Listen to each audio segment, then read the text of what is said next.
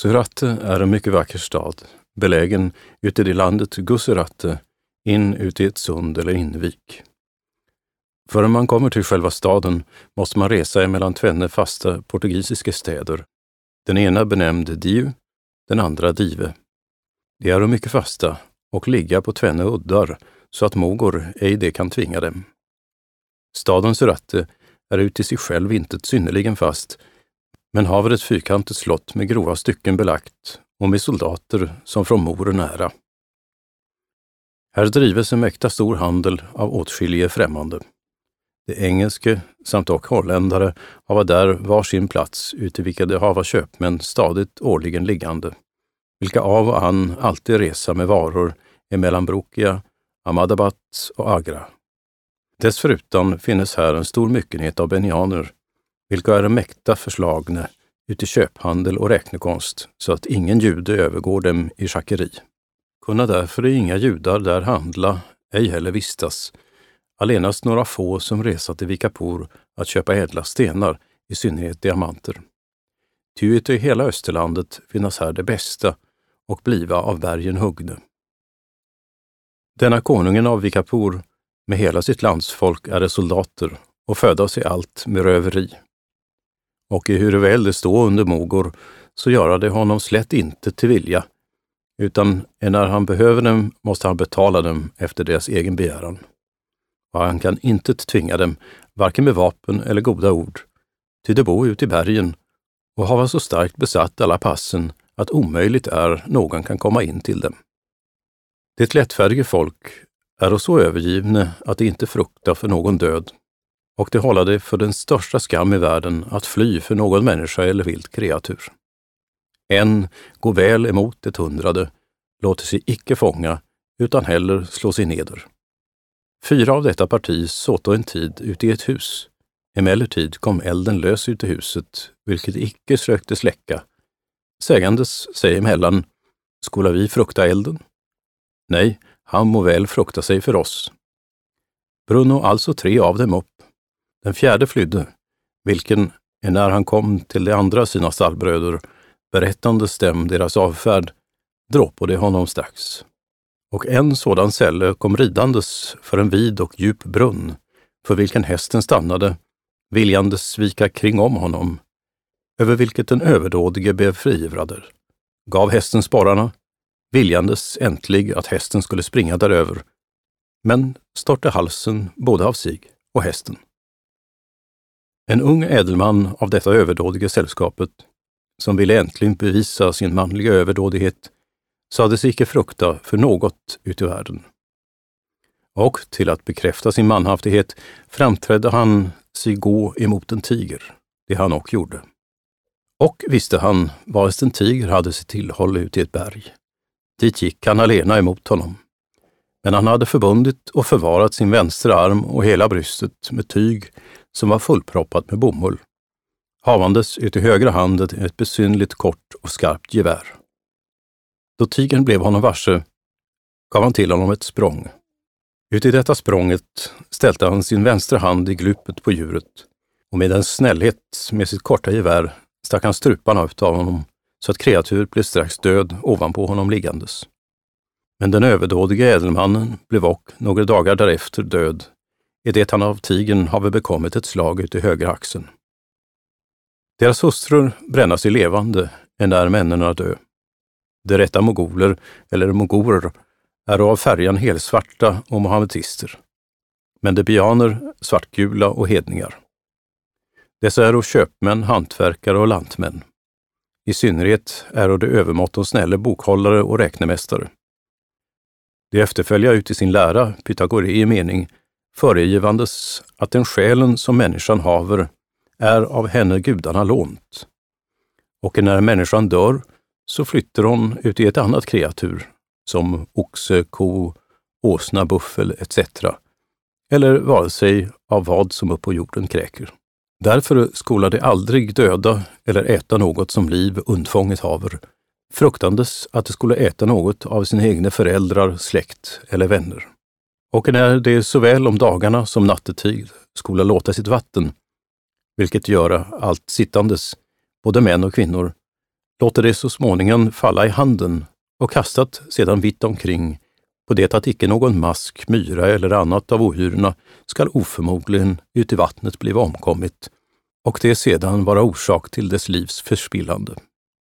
Och så som de nätterna igenom alltid låter brinna lampor, så hava de elden med tunna hinnor överdragne, så att inga myggar, som nattetid flyga, skola förgöra sig själva däruti.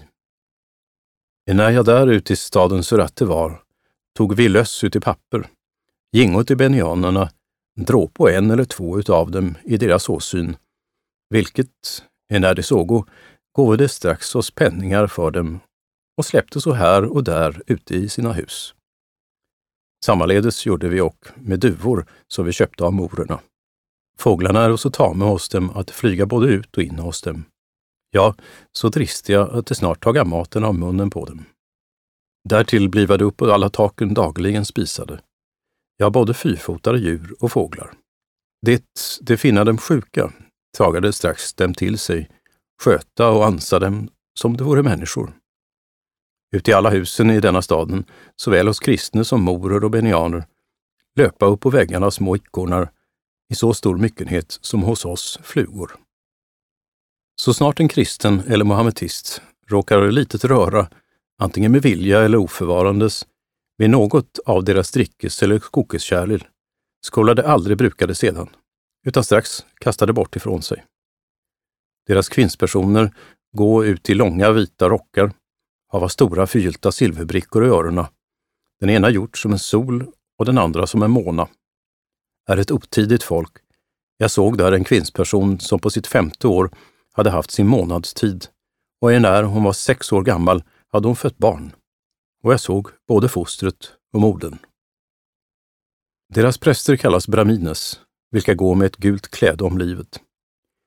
Allenast högre axeln och armen är bar och blått. Det ser mycket bistert ut i det att håret släpar långt efter dem och allt fulltslaget med koträck eller kodynga. Det smörja sitt liv och därmed jag brukade ut i sin mat och hålla denna träcken för balsam. Ty det säga att det vara en mycket lycksalig själ som är flyttad in uti en ko. Det går på gatorna, ut i ena handen har det en träpotta och den andra en kvast, varmed det allestädes på gatorna sopar rent för sig, att icke oförvarandes kunna träda någon mask till döds. Det är ett sådant motvilligt sällskap att det ingalunda vilja låta övertala sig och huruväl både Utudiu, Dive och Daman, vilka alla är fastestäder och av portugiser bebodde, varit i är några hundra katoliska präster, så hava det likväl aldrig kunnat omvända någon benjan till den kristne tron. Här ute i Suratte finnas ormar, vilka hava tvenne huvuden, ett på vardera änden, och krypa med ena änden framåt den ena månaden och med den andra den andra månaden och gör människan stor skada. Ut i sjön, såsom och i Persiska inloppet, falla överflödigen grå ormar, en aln långa, vilka är trekantige, och dessa av alla människor, såväl kristne som morer, bliva ätne. Oxar är här mycket små och alla har en puckel eller bult på ryggen, lika som en kamel, bliva brukade för kärror, varutinnan åka både kristna och morer. Kor bliva brukade att rida upp på och bliva allt överhängde med stora bjällror och skällor. Detta landskapet Göserate är mäkta fruktbart. Det bär ut i överflöd vete och korn, ris, kattun och bomull. Här faller också den bästa indigo, smör, vax etc. I en summa, och på alla ätande varor är här stor ymnighet och alla andra fisk. Här vankar och ett slags vin, vilket tappas av palmträd och bliver kallat terj. Det är mycket sunt att dricka, kyler människan ut i den stora hettan och man kan aldrig bliva drucken eller få något ont därav. Det har väl en mäkta ljuvlig smak, benägen både till sött och surt. Silver och guld, koppar, tenn, bly, svavel, salpeter etc. är här överflödigt. Här slås och vackert mynt av guld, vilket blivit kallat achab, så stor och viktig som en portugales. Ett annat mynt av silver blir kallat rupia och gäller en halv riksdaler. Ett mindre, benämnt mamodi, är av värdet en riksort. Av koppar havade pejs och gäller så mycket som en öre kopparmynt. Det brukar och mandelnötter för penningar och gälla sex för ett pejs. Kan man alltså för tvenne mandelnötter köpa olja, lampa, mjölk etc. Här växer och den skönaste bomull på höga träd, så långa och tjocka som stora aspeträd, vilka är ludne allt ifrån roten upp till toppen, både grenar och kvistar. Och när ullen är fullmogen så faller bladen av, alltså rives hon lika som mossa, och det två gånger om året. Ut i detta landskapet liggade tvenne överbemälte portugisiska städer, Diu, Dive och Daman. Och är det så fäste att det inte kunna tvingas av mogor. Och bo här många tusen kristna uti. Allehanda slags folk må fritt där inkomma, undantagandes judar och benianer. De holländare har ofta försökt hos den store mogor att antasta dessa städer, men haver aldrig blivit dem efterlåtit och beviljat. Ty där holländaren hade den blivit övermäktig, hade han väl varit en morer till stort men.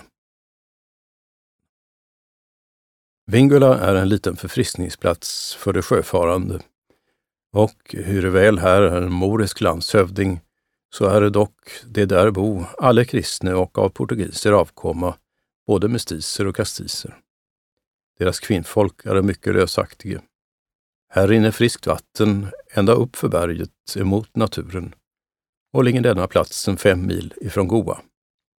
Och brukas där ett slags silvermynt, vilket gäller en mark gott mynt och kallas larins och är fatt som en byxehake eller som man hade böjt en mässingtråd tillsammans med några moriska karaktärer påslagna. Goa är en mycket skön och fast stad det var hos konungsmannen ifrån Portugal vistas och är i förtiden bliven kallad Calcutt. Här begynnas nu Costa Malabar och består ut i dessa tvenne konungariken, nämligen Calicut och Dekan. Dessa invånare är helsvarta med långt svart hår och vackert skapade. De som bor vid stranden är de mesteparten kristna och bor ibland dem mycket portugiser som avlar barn med deras döttrar. Där oss hava de katolske många kyrkor inuti landet. Och hava dessa varit tillförne ett mycket argt och barbariskt folk, men nu mycket tamde gjorde av de portugiser. Och hava de förutan goa här på Costa Malebar tvenne fasta städer, Coquin och Tuticor, vilka anno 1657 är övergångne till holländaren genom stormande hand som illa forum med invånarna. Några tusen malibarer de där bortförde dem för slavar samt deras kyrkor rövade och förstörde. Här faller och i all som största myckenhet peppar, i synnerhet lång peppar. Kardemumma växer här, den som mycket skön och stor är, och låter hon allestädes plantera sig. Men förrän malibarerna försälja henne, så kokade den upp ut i vatten på det att hon ska mista sin kraft. Här är och ett slags haner vilka är så stora som en kalkonisk hane. Och det fara mycket vill som mena kalkoniska höns skulle vara komna från Calicut ute i Indien. Ty på ingen plats ute i hela Ostindien finnes några kalkonehöns. ehuru väl de engelske och holländare är som oftast hava fört kalkoner ifrån Europa till Ostindien. Ty så snart de är ankomne är de blivne döda. Dessa malibarer lider stor skada upp på sina trädgårdar. De är och där aldrig säkra för tigen, varken nätter eller dagar, i synnerhet de som bor på landsbygden. Det går, både män och kvinnor, helnakna, allenast skyla sin skamlighet med ett litet tunt kläde. Och deras högsta prydnad, varmed de smyckar sina kroppar, är silver eller mässingsringar om armarna, fingrarna och fötterna. Därtill hava de så långa öron att det hänger dem en halv aln nede på livet, och att deras öron så långa äro kan mången till äventyrs tänka att det är så av naturen födda äro. Nej, utan det skära ett trint hål på öresnibbarna. Där hänga det i tjocka blyringar, vilka dagligen tänja och draga dem större och mera långa. Och på den vikten ökade dagligen mer och mer tyngd, till dess öronen bliva så långa som det dem hava vilja. Sedan tagade blyringar av och sätta sedan guldringar ut istället. Även samma maner brukade singuleser eller de som bor på Ceylon. De hava och ett språk, enahanda skrift och bokstäver.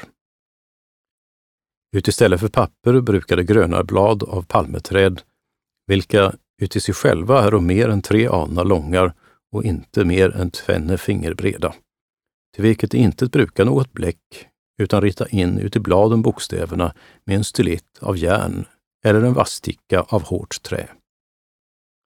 Detta brukas överallt i Indien, undantagandes i Persien och Mogor. Det hava papper av bomull, med de kineser och japaneser av silke och bomull. Dock skriva det inte med penna utan med pensel. Ceylon är en ö, begriper 500 mil ut i sin omkrets have sin egen konung, vilken bor ute i en stad benämnd Kandia.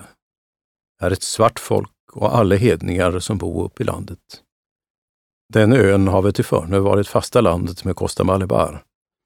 Men de som bor vid stranden på västra sidan av landet, de är alla kristna och har de portugiser haft här tre övermått om fasta städer, Ngumbo, Colombo och Fonte de Galle vilka holländarna med vapen hava sig bemäktigat. Alla portugiser av landet, ja, och invånare som kristna äro, brukas för slavar. Ingalunda efterlåtande stäm höra någon katolsk präst och ut till den kalvinistiska läran vill jag inte undervisa dem.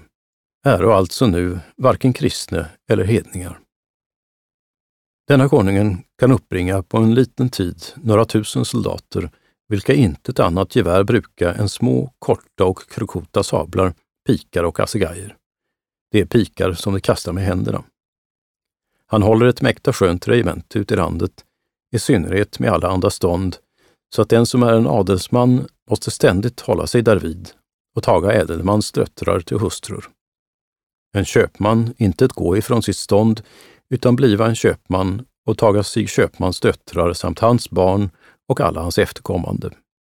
En bonde, en tiggare, dansare eller vare sig av vad hantverk det vara må, måste det stadigt med alla sina efterkommande bliva uti i sina ämbete och aldrig övergiva det. Undantagandes att om han vill bliva kaskarin eller soldat. Skräddare och skomakarhantverk brukas här aldrig, ty de löpa nakna och barfota. Men av alla stånd är intet så föraktligt som smeder och i synnerhet guldsmeder, vilka aldrig under annars tak får komma, ej heller någon annan under deras. Mycket mindre dricka av käril eller äta i fat med dem. Och lika väl måste alle man lita till dem. När dem gives något arbete så kastas dem till som ett ben till en hund och när de skola leverera arbetet ifrån sig måste det gå långt emot dem och lägga sig framstupa upp på jorden, havandes bägge händerna för ögonen, och så tala med dem, sedan giva dem för sitt omak eller arbete som det behagar. Ut i rättegångssaker går det här mycket strängt tillverka, brukandes inga andra bödlar än elefanter och krokodiler, vilka de kallar kaimans. Den elefanten som därtill är förordnat är en av de största bästar ute i landet. Ett gruvligt, grymt kreatur. Hans tänder är beslagna med koppar och därtill skärpte. När han nu antastar missgärningsmännen tager han honom fast ut i sin snabel och kastar honom högt upp i vädret och låter så honom komma oskadder åter upp på snabeln, bäras honom för överheten likasom han skulle fråga om inte ett skonsmål för honom finnas kunde. Men är ingen nåd så kastar han honom åter i höjden och låter honom så falla upp på marken. Sedan, när han ligger på jorden, sliter han med snabeln huvudet från kroppen och graver sedan en grop i jorden och begraver missträdaren däruti. Alltså gives honom av överheten för sitt omak några kannor arrak. Det är brännevin bränt av risgryn och därtill någon frukt. Nu haver Gud givit elefanten det förståndet, eller uti naturen implanterat, att när den som döden lida skall är oskyldig dömder, så skall han aldrig röra honom det ringaste hår, ej heller någonsin låta tvinga sig därtill. Krokodilerna håller han ut i en damm, runt om med staketer besatt att det inte kunna komma därur, för vilka missgärningsmän blev kastade. Dessa är gruvliga stora. Den ringaste där är på 24 eller 25 fot lång, har ett gap som är vidare än en kalefamn. En krokodil har fyra rader tänder i munnen, två ovan och två nedan i munnen, och gå tänderna var emellan annan. Han kan med ett bitande taga bort både häst och man. Haver dock fyra ögon, tvenne över käften och tvenne in under käften. Hans meste starkhet står uti i skärten med vilken han mycket starkt slår, och är inte så snäller på landet som i vattnet. Ty på landet kan han inte väl vända sig för sin kropp och korta ben. Men ute i vattnet ligga det gemenligen och förhålla sig ut i färska åer, vilka här ute i landet finnas ut i överflöd.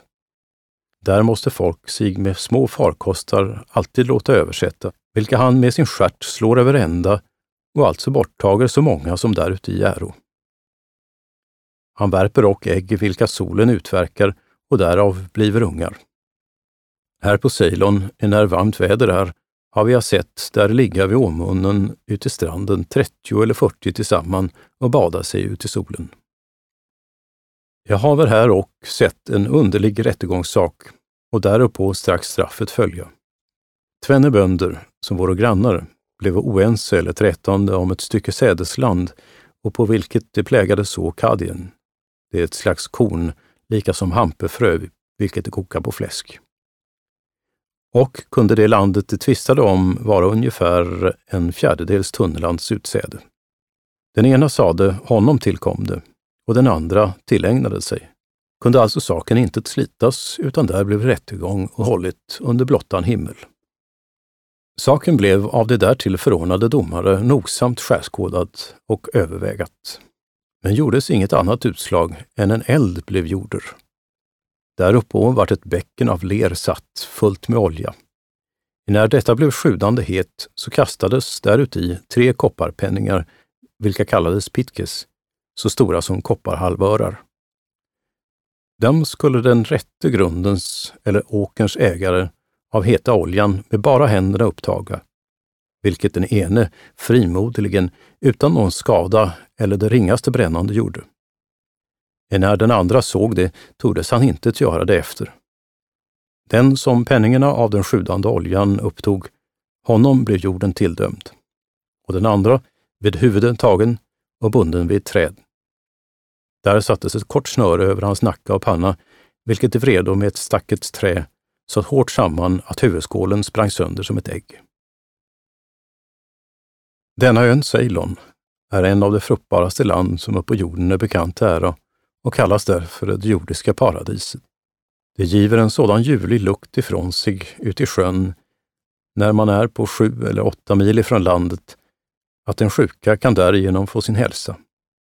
Men när man en tid upp på landet vistat haver befinner man där en förgiftig och mycket osund luft, så att man där bekommer en landssjuka, vilken inte står att bota med någon läkedom förrän man blivit förder ut i en annan luft, så bekommer man en strax förändring, antingen till döden eller livet. Och bliver man där mycket tjocker, kan och aldrig känna sig mättande eller hava någon stolgång och dock inte känna någon värk eller sveda, utan lite huvudvärk. Men en får så kort anda att man inte kan gå tre steg förrän man måste vila sig. Här är jorden alltid grön och bär alltid hela året igenom det skönaste pomeranser, citroner, lemoner, granatäpplen etc. I hela Indien växer en slags frukt, vilken kallas pisang eller bananas. Den där är välsmakande och skön samt växer mycket underlig och är en sällsam frukt. Själva trädet pisang är vid pass fyra famnar högt och nederst två alnar tjockt.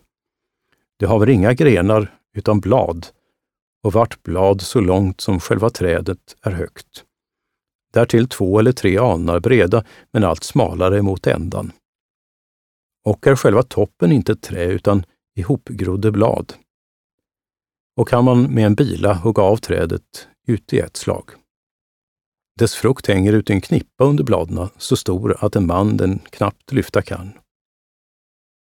När frukten mogen är, då är hon rätt gul och vart bär mer än ett halvt kvarter lång och ser rätt ut som spenar upp på en ko med tunt skal eller skinn utanom vilket man avdrager med fingrarna. Själva frukten smakar mäkta söt, men är inte ett fast eller tät utan lika som man beto ut i en deg. Jag tror att i världen inte finnes ljuvligare och välsmakligare frukt än denna. De kristna, i synnerhet portugiser, kallar henne figo och skulle aldrig skära henne med kniv utan bryta den. Och ehuru väl hon är gul, så är det lika väl mitt uti en svart kärna, vilken när man där ute i skär synes det lika som en man skulle hänga på ett kors. Det säger att detta ska vara den förbjudna trädet av vilket Adam och Eva ute i paradis åto. Ty så snart de hava ätit av den förbjudne frukten är deras ögon bleve öppnade och hava skylt sig med ett fikoneblad. Så är och dessa blad mycket bekvämliga därtill, och kan man med det minsta bladet betäcka hela sin kropp, både för och bak. Detta trädet, så snart det har burit frukt en gång, så bär det aldrig mer, utan man måste hugga av det nederst vid roten, så växer det innan fyra månader annat bärande träd igen. Den allra bästa kanel växer här i största överflödighet, ute i vilt, hela skogarna fulla. Och må inga andra taga den av träden utom besynliga ämbetsmän som ingen annan hantering bruka än denna och bliva kallade skaljers. Den yttersta barken är grå, bliver avskuren och bortkastad. Den innersta är askfärgad, bliver ut i fyrkantiga stycken skuren och sedan sammanrullad. När han får ligga litet ut i solen blir han röd och ut i tre års tid växer barken igen. Detta trädet bär ingen frukt eller blommor. Dess blad är som äppleblad och inte synnerligen högt. Här finnas allehanda slags åtskilliga frukter, vilka oss europeiska är mycket obekanta. Det är och ett bergaktigt land. I synnerhet står mitt ute i landet ett mäkta högt berg, vilket de kristna kallar pika av Adam, och förebära att Adam ska där ligga begraven. Men invånarna, som hedningar äro, kallar den pikåden och komma med alle man årligen den tredje, fjärde och 5 april, vilket är deras nyår, till att offra sin avgud, vilken de kallar jacka, det är Satan eller djävulen. Ty om man säger till en singules vade Prodeus, det är Gud vare med dig, står han och grinar och ser ond ut. Men säger man palja jackan, det är gack djävulen i våld, lägger han sina händer för den andres fötter såsom tackandes honom för en god önskan. Förutom gråberg finnes här och många stora och höga kristallberg, vilka giva ett sådant vedersken ifrån sig, i synnerhet när solen skiner, att man inte kan se upp på dem. Om nattetid, när stjärneklart är, kan man skönja alla stjärnorna ute i kristallen som upp på himmelen synas. Så fruktbart och skönt som detta landet är, så är det också uppfyllt med allehanda grymma och förgiftiga djur, som i synnerhet vilda elefanter, vilka här falla det bästa och största. Bliva på ett underligt sätt fångade årligen ut i septembris och månad är när deras spel eller brunsttid är. Det have tame elefantkor, vilka är så lärda att de om nattetid gå upp på en besynlig plats ute i skogen där de veta elefanterna hava sitt tillhåll, vilka de efterfölja. Och på ett stort och vitt fält är byggt ett trångt stall med mäkta starka balkar och bommar, inte ett bredare än en kan gå in efter den andra. Det bestickade med grönt löv att ingen rättare kan se än att det vore en täter skog. Där går korna först in på den ena och sedan ut på den andra sidan. Men alla de andra som efterfölja måste bliva där inne och blive strax starka bommar både bak och framman för de skjutne, så att de inte kunde röra sig och fötterna i järnkedjor slutna. De elefantfångare veta så artigt att binda dem där inne, sedan låta dem där bliva ståendes ut i 14 dagar. Emellertid gives dem ingen mat eller dryck, utan dagligen stickade dem med skarpa hakar och järn till dess de bliva så utmäktade att de näppeligen kunna stå. Då hämtas tame elefanter fram, vilka om tänderna är och halva avsågade. Emellan tvenne tama bliver en otam bunden. När han ställer sig motvillig och icke vill låta tämja sig, stötade honom i sidan med de stumpa tänderna eller slå honom i sidan med snabeln. Då måste han spatsera bunden emellan dem hela dagen och om aftonen åter införas ut i stallet. När han nu så några dagar emellan dem gott haver, Då stiga elefantfångarna först in till dem och giva allehanda frukt som kan lända dem till styrko, begynnandes tala och lockas med dem, sätta sig jämväl ovanpå dem och släppa dem sedan lösa ut med de andra. Alltså bliver detta fasliga och grymma djuret på en liten tid tamt. Hon går med sitt foster ut i tre års tid och ehuruväl det är och de största bästa ute i världen ibland alla fyrfotade djur, likaväl så bringar det hit till världen mäkta små foster. Sina pappar eller spenar haver hon emellan frambenen. Och när hon ska giva kalven dia, då lyfter hon honom upp med snabeln och bär honom alltid däruti när hon går. En elefant löper aldrig, utan går, och med sitt stigande tager han upp en häst, fast om han lupo aldrig så starkt. Hans starkhet står inte att beskriva eller hans andra egenskaper. Allenast dessa elefanter som faller på Ceylon hållas för det ädlaste och förnämaste. Ty när elefanter som blev förda ifrån andra orter komma ihop med en ceylonsk, då falla de strax på knä och sätta sin snabel i höjden, lika som de ville ära och hälsa dem för förnämste. Ty till staden Batavia och på Java gick en ceylonsk elefant, vilken dagligen tiggde ut i alla mångenshus, i synnerhet hos dem som hade socker och frukt att sälja. Emellertid kommer från Siam tolv stycken gruvliga stora bestar, vilka bakom slottet stod ut i ett stall och dagligen blev redne genom staden till Färska Sjöviken för att tvätta sig. Så ofta de mötte eller fingo se denne lille, följde de på sina knä, sättandes deras slorper eller tryner i vädet, hälsandes honom. Därtill haver elefanten och den vetskapen, jag talar om det tama, att där han ser en person av ädel eller hög härkomst, om han än är aldrig så illa klädder, faller han strax neder och gör honom ära. Men tvärtom, där en är aldrig så väl klädder och utstofferad och av slät avkomst, den går det rätt förbi, lika som det intet såg honom. I en summa, detta kreatur haver ut i många stycken mer än mänskligt förstånd, så att dem intet felar än alena målet och språket. Tigrar och leoparder finns här inga, utan apinor och bambianer i stor myckenhet. Det där göra på fruktsängarna mycket stor skada, ty invånarna hinna intet mer så och plantera än dessa stjäla bort. Och när det går ut på röveri samkade sig väl några hundra tillsammans.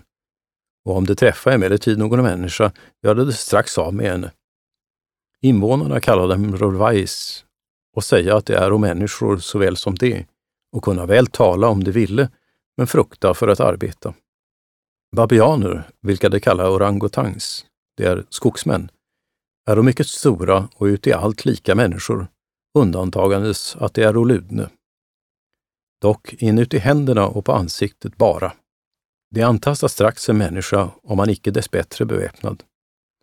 Evarest han finner en kvinnsperson så tager han dem med våld. Och jag har väl sett ute i Pelikatte en kvinnsperson som gick havande med en babians foster, vilken och födde ett ludet foster.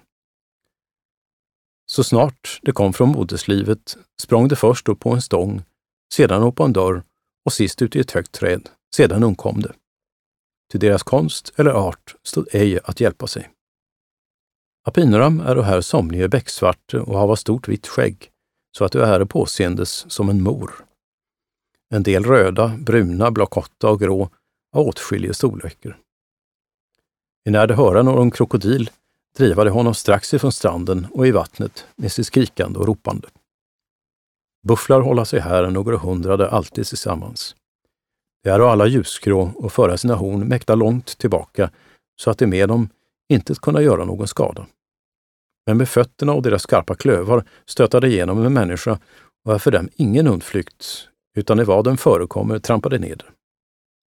Men den som någon tid oförvarandes inuppå den kommer, kan man dem med en hatt rädda. De håller sig alltid ute i moras, i synnerhet undfryder den svåra middagshettan och bliva mycket angripna av iglar. Jag var inte ett hår på sig, till det rötade av sig ut i Ävjan, Kätt och sumpaktiga orter. Levaden är ett fyrfotat djur, en krokodil inte ett olik, men grönaktig är det till färjan och är den störste inte mer än två alnar lång. Den där haver mycket korta fötter, han gör ingen människa ont. Han håller sig alltid ut i håla trän där myror hava sitt tillhåll, vilka är hans spis och andra små krypande maskar på marken. Han blive fången och slaktade efter han haver ett mycket vitt och välsmakande kött. Denne haver tvenne tungor i munnen, den ena över den andra. Dess man möss eller gråkatter löpa ut i husen i stor myckenhet och göra ingen annan skada än evarest det låter falla sitt vatten antingen på mat och kläder. Då luktar därav mycket starkt. Iglar hålla sig ute i gräset så tjockt att det inte står till att uttala eller skriva. Var en människa, då han oförvarandes, i synnerhet när daggen är i gräset, sätter sig neder, då angripa honom några hundrade och suga blodet av honom. Lägger han sig till att sova, så tappar det blodet av henne så att hon inte förmår till att gå på sina fötter. Varför det taga alla soldater, när de skola gå i fält, salt med sig. När de befinner någon på kroppen, lägga de ett saltkorn upp på honom, så faller hon strax av. Men sliter man henne från livet, så bonar det strax därefter. Cobra Kapel är en orm, nästan en kvart lång. Jag tror att intet förgiftigare djur i världen någonsin kan finnas. Han är svart och har ett spetsigt huvud. Vid öronen har han som tvenne vingar, vilka är runda som tvenne glasögon, där man kan draga in och sprida ut när han vill. När han bliver en människa varse eh, kastar han upp sina vingar eller briller och flyger in på henne. Var han då rör vid henne spricker hon strax innan hon kan läsa Fader vår. Och är emot hans bett ingen bot, vilket jag såg på en fänrik som nattetid upp på en ort benämnd Mature blev biten. Den där icke gick tre steg för han var död. Och innan vi fing honom ut i vakthusen sprack han emellan händerna på oss. Andra dagen om morgonen kommer det svarta Laskarins och slog honom ihjäl. Då fick jag se honom. Men oss blev förmant att vi inte skulle komma honom allt för när. Jag menar att denne ska vara en basilisk, den alla vet tala om. Skorpioner håller sig här mycket ute i husen och man måste sig väl om nattetid förvara. Då söker de som mest till människorna. Men så länge hon sover rör han henne icke. Men så snart hon rör sig sticker han henne. Jag är tvenne gånger av dem stucken och har väl lidit sådan pina att jag inte visste vartut jag mig vända skulle förrän jag fick skorpionolja. Det kunde aldrig fördraga solens hetta, utan det jag med mina ögon sett haver, där han kommer ut i hettan och intet kan komma in uti något hål, vänder han strax upp skärten och sticker sig själv i ryggen, varigenom han strax blivit död. Hans bett är lika som ett bisting. Tusenben är en förgiftig mask, vilken med sitt stickande bringar en människa större sveda än skorpionen. Han är så lång och tjock som ett lagligt mansfinger och haver många fötter tätt vid varandra, alltifrån huvudet och in till stjärten. Och ytterst däruti haver han fyra vassa pinnar, så långa och även så skapade som igelkottstaggar. Dessa hålla sig och allt ut i skuggan, kunna ej heller fördraga något solsken och på skeppen finnas och desse såväl som skorpioner, vilka oförvarandes följa med, vi som föres ombord. Här är och ett slags grå ormar, inte mycket tjocka men en aln långa. Det där hänga sig ut i trän, i synnerhet där hjortar och svin hava sin dagliga vissa gång till floder att dricka. Då låta de sig falla neder och på livet och på dem, tillfogandes dem därigenom skada. Vid torpen hänga de sig också upp, och där det någon människa träffa lider hon stor pina och står ute stor livsfara, så framt hon icke bekommer någon bot. När jag, med flera andra, är som oftast blev befallt att gå upp i landet och måste nattetid ligga ute i skogar under blottan himmel och alltid hava eld för oss. Då skulle vi väl akta oss för ett slags små ormar, vilka vore snövita och blinda. Utan tvivel att de måste hava haft väder av oss och kommer skälandes krypandes till elden. Den människan som blev stucken eller biten av dem måste strax hugga av den ledamoten eller dö. Där vore också ett slags ormar, vilka vore rätt gräsgröna. De tog invånarna och åto, sägandes att det inte vore förgiftige, ej heller gjorde någon skada. Jag måste ingalunda förgäta den fromma och dygdige kameleonten. Han är inte fullt ett kvart lång, men är fyrfota som en agadis med en liten rumpa, haver ett huvud som en klossa och där ovanpå en kam som en hane. På ryggen haver han en liten puckel som en kamel, varutav han bekommit haver sitt namn. Det är den naturliga vise skriva somliga att han ska kunna leva alena av vädret utan mat i åtta dagar, somliga i tre veckor. Det är intet sant. Ty jag haver tagit honom efter det lupo inne hos oss i husen ut i stor myckenhet och sluten ut i en bur där vädret på alla sidor fick blåsa in på honom. Men det arme kreaturet levde inte längre än upp på den andra dygnet. Men det är sant, som skrives, att han kan omskifta sina färger. Ty han förändrar sig ut i en handvändning, ut i blått, grönt, guld, purpurfärga, gult, vitt, brandgult, rött etc. undantagandes svart. När han nu ute på marken finner en människa sovande sätter han sig antingen bredvid eller upp på henne och aktar att inte något skadligt djur som krokodil, orm etc. ska komma henne när. Bliver han något sådant varse låpar han upp på hans ansikte och sticker sin stjärt ut i näsborrarna så att han ska vakna. Nattetid ute i husen, ty hela natten brännes lampor, aktar han folken för skorpioner, tusenben och annat förgiftigt som förekomma kan. Kulis, eller dragare, är av dessa invånare ett särdeles slags folk, vilka intet får taga sig annat före än att släpa och draga. Desse, ju tyngre och svårare börde de hava, ju snällare löpade. Men är de ledige, så kunna de icke komma fot för fot, utan de hava intet annat att bära, så binda de tvenne stenar tillsammans och lägga dem på nackan, varmed de sedan löpa som mjöhundar. Där finnes och ett annat slags folk, av vilka somliga hava ett och somliga bägge benen så tjocka som en timmerstock eller elefantsben, och är och så hit till världen född. Det bekänna sig ingen svårighet hava utav dem. Och efter aposteln Sankt Thomas haver icke allenast ute Kina utan Costa Malebar predikat, utan och här på Ceylon byggt sig ett kapell där aposteln en tid skulle hava gjort sin bön. Då är en hemligen bakupå honom kommen och med en pik stucket honom i benet varutav denne bovens ben skulle strax hava blivit så stort. Och alla hans släkt och efterkommande än i denna dagen födas med detta kännotecknet och blivre av portugiser kallade Sankt Thomas rövare. Det katoliske förebära sig upp på Costa Caramandel ut i staden Sankt Toma hava hans ben. Enär tvenne bröder av hedningarna på Ceylon besöka varannan Ibland alla andra fägnader som den ene brodern bevisar den andra, måste han om nätterna ligga hos hans hustru så länge han där är. Ty varjem och enom står fritt att taga sig så många hustrur som honom behagar. De krigsmän hava den friheten att ut i vad hus de komma, undantagandes en ädelmans, huggade sin värja eller pik för dörren och ropa på, på, på, så måste strax husvärden träda därut och soldater åter in. Där står honom fritt att spela med hans hustrur och döttrar så han själv vill och bäst behagar. Keilepatan Pellebäck är en stor by eller torp varuti många hundra pärlfiskare bo och ligger själva pärlebanken en liten halv mil ifrån landet, öster ifrån Nigumbo. Dessa fångar pärlemusslor dagligen upp av grundet i all som största myckenhet även på samma maner som upp på banken vid Ormos. Men gå här nere med all som största livsfara. Ty på grunden lägga sig krokodiler ut i försåt och ingen dag går förbi med mindre de icke taga bort några av dem. De Maldiviska öarna höra konungen upp på Ceylon till och ligga väster ifrån Ceylon. De är 11 000 och ligga alla på en rad tätt tillsammans. Somliga bor folk uppå och somliga kan ingen bo på emedan de ligga mycket långt.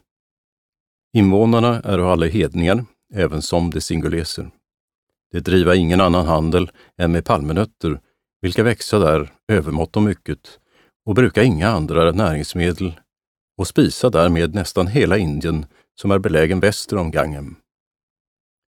Fraset eller bastet som sitter utanpå nöten brukar de för hampa varav de göra kablar och tågverk.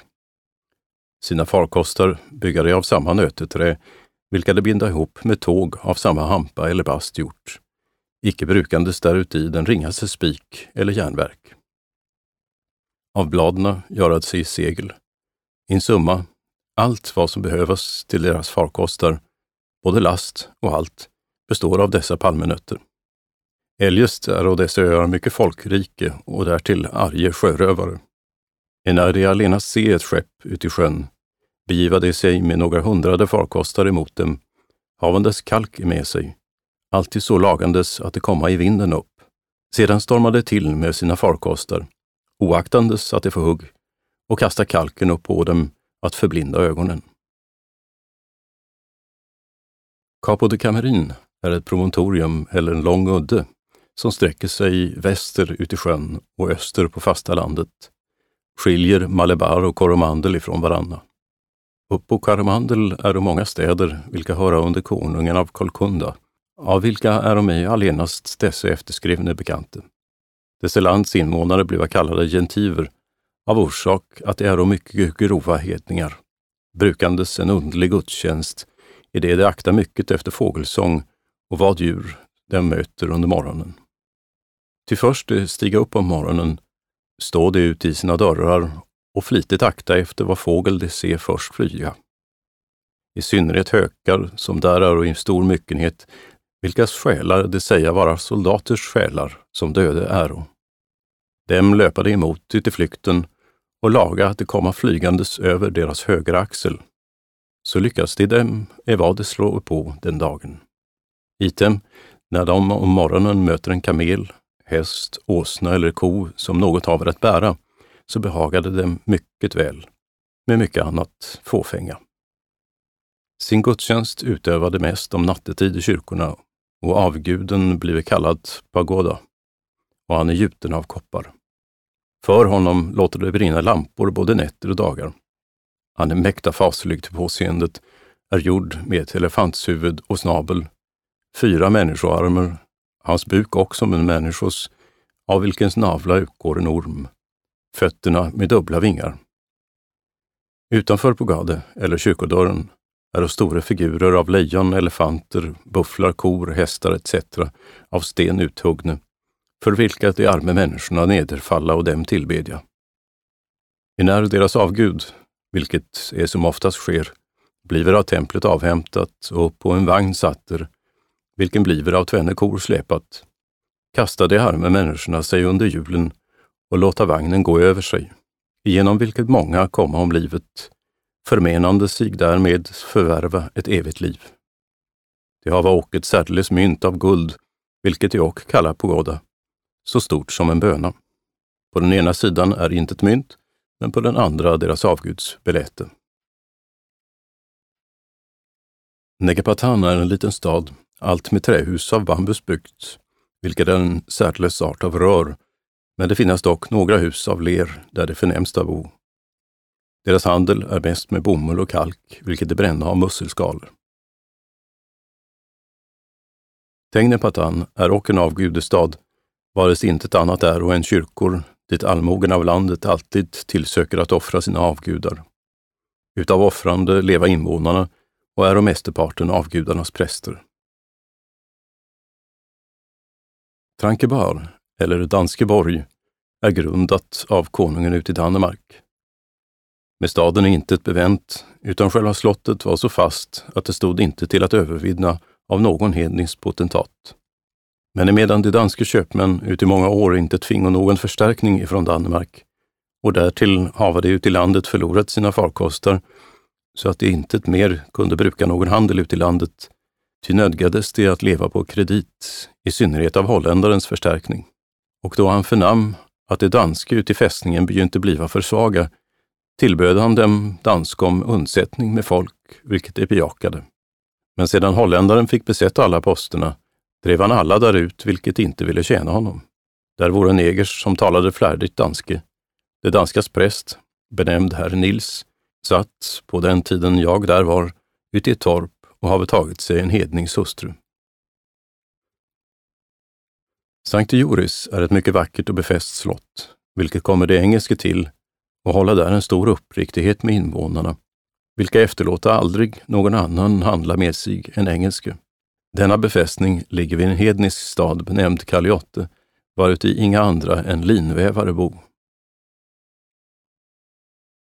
Narsingapatan är huvudstaden uti i Narsinga, varutinnan konungen av Golunda haver den förste, med vilken alla kristne som portugiser, engelske och holländare alltid måste hålla god vänskap, som där handla vilja. Staden är mest av lerhus och utanom med hus av rör, varuti bo inga andra än linvävare, vilka det finaste bomullslärft väva som någonstädes finnas kan. Utav denna första är mig mäkta stor välgärning bevisad, är det att jag år 1654 blev mycket illa sjuker och på Ceylon av landssjukan och kunde inte finna någon läkedom som mig hjälpa kunde, utan blev skickad till Palekatte där jag genom en friskare luft blev, dess gudskelov, någorlunda bättre igen. Är det att denna luften så verkade att flussen begynte flyta både genom näsa, ögon och öron. Då var uppe på slottet Palekatte en regent benämnd Lorentz Putz, födder ut i stift Bremen, uti vilkens hov jag mig mest förhöljt och förvärva mig gunst hos hans söner, vilka icke allenast öva sig i språk, utan och vore mäkta älskande, både till musik, sång och spel, med vilka jag dagligen umgicks. Emellertid blev uti Narsingapatan den gamle Neiko död, och sonen som efter honom till regementet skulle komma böd ovanbemälte landshövding till sin faders brand. Ty hedningarna håller för den största vanära att begrava sina döda, vilkens bud landsherren inte gick förbi, en dels att inträda ut i nytt förbund med den unge Neiko, en dels och att anskåda denna kostliga branden. När jag sådant förnam och färde vara, anhölt jag med största flit hos landshövdingens söner att de ville för mig bedja, det jag och fingo göra följe, vilket och blev mig efterlåtet och medan jag ännu var något sjuklig kunde jag inte rida utan blev buren ut i en stol. När vi kommit till Narsingapatan blev vi om aftonen efter hedniskt vis väl anfångne, men fingo intet se eller tala med den unge Neiko förrän branden var överstånden. Dagen därefter, emot middagen, blev vi beledsagade genom förstens betjänte till platsen evaros likbranden skulle angå och var för oss kristne en särdeles hög lava beställt, varuppå vi icke allenast obehindrade, utan och väl kunde anskåda hela handeln. Först vi ankommo våra några tusen människor församlade, vilka hade slagit sig ut i en ring, varutinnan låg torr ved och halm, allt övergjuten med oljo och därkring allt med stora krukor fulla med oljo. Då komma det med den döda, bärandes honom upp på en stol där han satt rätter, ut i en vit klädning efter morisk maner. Med öppna ögon havades en pinang. Det är en särdeles frukt av vilken indianerna äta sig druckne. Ut i munnen och en stor guldkedja om halsen. För honom gingo allehanda spelmän med trummor, handtrummor, pipor, åtskilliga och underliga gjorde trumpeter, somliga korta och somliga väl tre famnar långa. Efter den döda följde en stor trupp kvinnor, vilka gingo emellan bramines, eller deras präster. Därnäst följde den unge Neiko med sina rådsherrar och sist en stor hop till häst med pilar och bågar. Strax blev den döda nedersatt och alla bramines ställde sig kring honom. På sistone kastade en prästman ett gult kläde över honom och så satte prästen honom upp på halmen och sedan brand däruti. Medan han stod i ljus lågo begynte mer än över 35 eller 36 kvinnespersoner dansa runt kring elden, havandes var och en sin oljekruka på huvudet. Och när de vore ute i fulla dansen sprungo några stycken av dem, den ena efter den andra, ut i elden, varpå strax ut i hastighet blev slaget olja och kastat halm. Men rätt som det gåvo sprungen till, gåve det alle med en man sådant anskri till att vi förskräcktes däröver. Utan i samma lågan redo fem beväpnade män som hava varit hans livtjänare ut i full sporrsträck, Icke en efter annan, utan alla tillika, varupå kastades övermåttan mycket halm och olja, att icke allenast elden och lågan, utan ock det store skrikande och rop av omståndarna stod högst ut i luften. Och som mest all dammen och röken drev oss starkt ut i ansikten på den orten vi stod blev mestadelen av vårt sällskap sjuka. Men jag, som sjuklig dit fördes, blev så förändrat och av större sjukdom antastad att ingen förväntade sig något liv här i världen av mig. Ty så som landshövdingen såg att all förhoppning om till livet var borto, förlät han mig där kvar och ut i sitt avresande befalte mig med gråtande tårar ut i Guds händer. Emellertid befalte han mig den unge Neiko, eller försten, vilken lät strax hålla stark vakt över mig. Och vad jag äskade, ja, mer än vad jag behövde, överskickade han till mig, i synnerhet det skönaste vattnet som han någonsin begära ville. Men det som klagligaste var, ingen förstod mig, ej heller jag dem. Ty lät Neiko efter några dagars förlopp uppsöka mig en portugisisk dräng som kunde hedniskt språk. Då jag nu på tredje veckan där legat hade och under tiden gick alena ut i staden, i synnerhet till Neikos hov, ibland dessa hedningar som ett får bland ulverna, besökte mig som oftast många kvinnopersoner, förundrade sig hur det kunde vara så möjligt att en människa kunde av naturen vara så viter, emedan jag alltid gick naken, allenast skylande min skamlighet med ett litet kläde.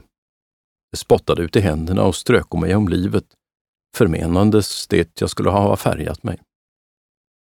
När tiden nu tillstundade och jag längtade till Palikatte, emedan jag var vid tämlig hälsa, gick jag med min tolk till Neiko, begärandes ett gunstligt gelajt genom landet, vilket han inte vägrade, utan kallade samman sina rådsherrar där för mig. Uti alles deras åsyn blev för mig satt kokat ris, fisk och frukt, av vilket jag måste äta. Dock först begärde jag vatten att tvätta mina händer och sedan ställde jag mig upprätt för maten och läste högt så att alla hörde Fader vår. Sedan satte jag mig neder och på golvet till att äta. När jag ätit hade begärde jag åter vatten till att tvätta mig med och åter läste Fader vår. Efter tolkens berättelse har dessa hedniska herrar högerligen sig förundrat i det jag uti mina böner höll händerna samman och stadigt såg ut i höjden. Och därtill tvättade mig efter jag var vit och ren till förne.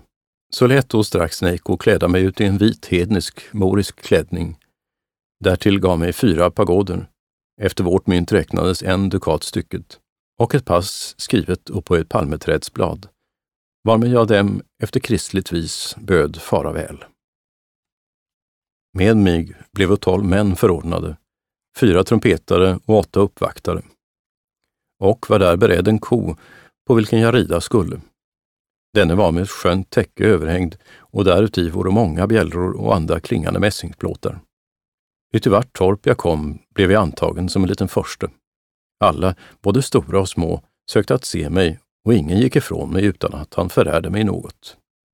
När jag kom in mot Palikatte, då begynte trumpeterna att blåsa, varpå landshövdingen skickade några personer emot oss, förmenandes att någon gesante skulle komma.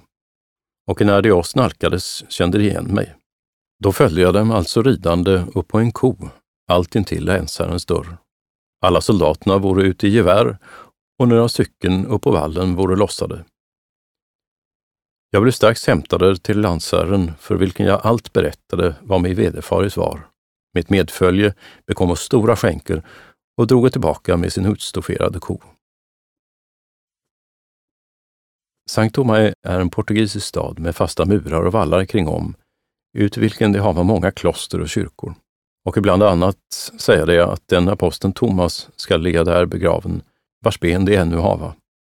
Häruti bo allt kristne och hur väl att holländaren är som oftast have sökt att bemäktigas i denna staden, likaväl have konungen från Golconda och Neiko ut i Nasigampatan inte ett sådant tillstått.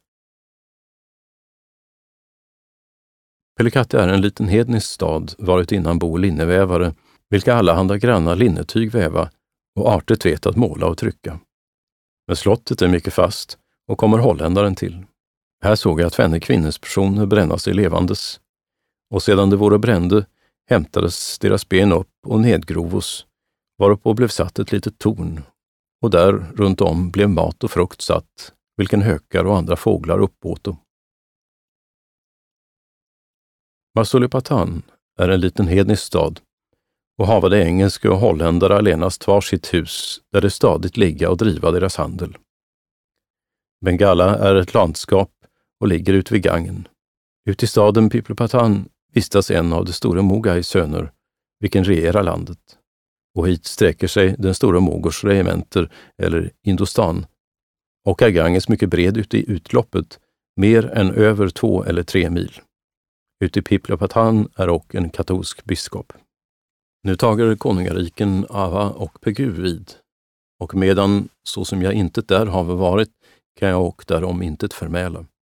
Men det är visst att det är alla grova hedningar och kallas alla de orter Ava, Pegu och Malacka och Fir, där Salomon haver hämtat guld och annat till Jerusalems tempels byggande, vilket alla omständigheter synes och likmätigt vara.